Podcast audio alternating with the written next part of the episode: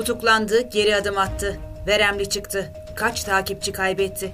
Osmanlı kaybetmedi. İşte o layık denen, denen bu köpekler kaybetti o toprağı tamam mı? 10 Kasım'da Atatürk'e hakaretler yağdıran Üçler Döner'in sahibi ve hacının yağ akımı ile tanınan Mustafa Atmaca tutuklandıktan sonra serbest bırakıldı.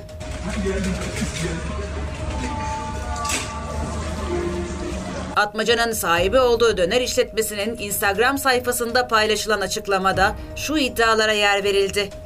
10 Kasım tarihinde esaslı içeriği kesilerek sosyal medyada servis edilen Atatürk ve Cumhuriyet'in kurucularını hedef aldığıma yönelik yaratılan algı ve gerçeği yansıtmamaktadır. Servis edilen videoyu kaydeden şahıs, videonun öncesi ve sonrası da yayınlandıysa eğer ilgili cümlemin Büyük Önder Atatürk ve Cumhuriyet'in şerefli mimarlarına yönelik olmadığı anlaşılırdı. Kaldı ki ülkemizde laikliği getirenler tarihin hiçbir anlaşmasında toprak kaybetmemiştir ki toprak kaybedenler laikliği getirmiş olsun. Aksine laikliği getirenler son nefeslerinde Hatay'ımızı da ana vatana katmışlardır. Şahsıma ve işletmemize yönelik yürütülen bu haksız ve gerçek dışı provokasyonlara itibar edilmemesini beni tanıyan bütün dostlarıma ve kamuoyuna saygıyla arz ederim. Osmanlı kaybetmedi. İşte o layık denen, denen bu köpekler kaybetti o toprağı tamam mı? Videonun yayılmasının ardından geçtiğimiz cumartesi günü Atatürk'e hakaret suçundan tutuklanan Atmaca bugün tahliye edildi. Sözcünün haberine göre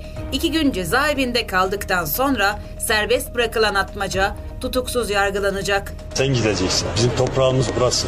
Arapistan'a da savaşmaya gideriz. Siz İsrail'e gideceksiniz. Siz. Atmaca'nın verem hastalığı gerekçesiyle serbest bırakıldığı öğrenildi.